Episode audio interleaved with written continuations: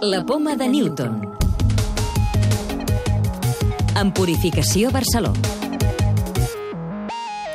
Investigadors de l'Institut de Ciències Fotòniques, l'ICFO, han creat un nou líquid quàntic 100 milions de vegades més diluït que l'aigua i un milió de vegades menys dens que l'aire. Us en parlem en el programa d'aquesta setmana. També descobrirem què és la vitrificació automàtica i sabrem per què tenim al·lèrgies.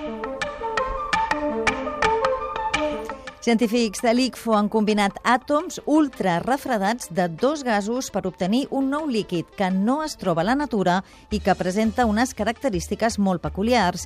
Letícia Tarruell és la directora de la investigació. Es un líquido que es súper, súper diluido. Entonces se parece mucho, mucho al agua, pero los átomos que lo componen están muy, muy, muy separados entre sí, mucho más que en el agua. Si miras los números, quiere decir que tendrías la cantidad de agua que cabe en una cuchara que coge el espacio de una piscina. Tienen muchos menos átomos, tienen unos pocos miles de átomos, mil, diez mil, pero los átomos dentro de ellas están lejos, lejos, lejos unos de otros. Y esto es una cosa rara porque normalmente con esas densidades esto tendría que ser un gas. De hecho, los gases también el aire es mucho, es mucho más denso que eso, pero aún así se comporta como un líquido. Y esto es debido a efectos cuánticos. I quina utilitat pot tenir aquest líquid quàntic? Al estudiar estos líquidos podemos entender mejor propiedades fundamentales de la materia en condiciones cuánticas. Y estas propiedades aparecen en muchos otros sistemas, aparecen por ejemplo en estrellas de neutrones, aparecen en materiales. Es más fácil para nosotros medir estas propiedades en el laboratorio que medir en una estrella. El nou líquid podria permetre també aplicacions més pràctiques com ara noves eines de mesurament amb molta més precisió que les actuals. Més coses. Fer néixer nadons per vitrificació automàtica ja és possible. La fita s'ha aconseguit amb un nou sistema, el Gavi, que permet més seguretat en el procés i evita la formació de gel. Ho explica Miquel Soler, responsable de l'àrea de criopreservació de Deixeus Dona. Evitem el principal enemic de la congelació de cèl·lules, que és la formació de gel. La formació de gel és el que, amb la congelació lenta, provocava que algunes cèl·lules no sobrevisquessin al procés.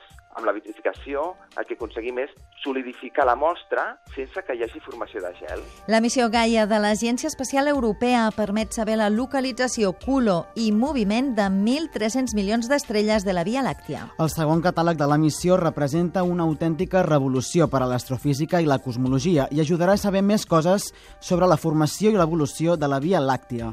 També aporta informació per a la investigació d'asteroides o de la matèria fosca i a la Terra servirà, per exemple, per millorar els actuals sistemes de navegació. Una molècula de l'oli d'oliva verge combat el desenvolupament del càncer. Ho han demostrat investigadors de l'Institut Català d'Oncologia i de l'Institut d'Investigació Biomèdica de Girona.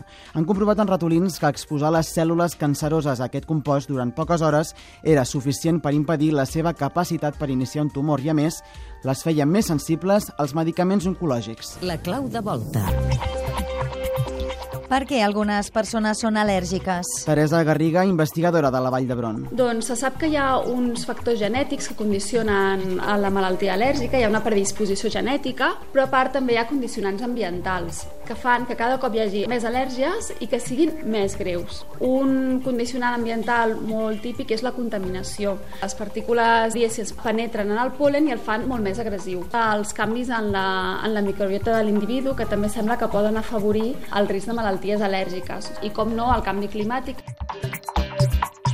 Recordeu que ja podeu descarregar-vos el podcast de la Poma de Newton o subscriure-us al programa per rebre'l directament als vostres dispositius.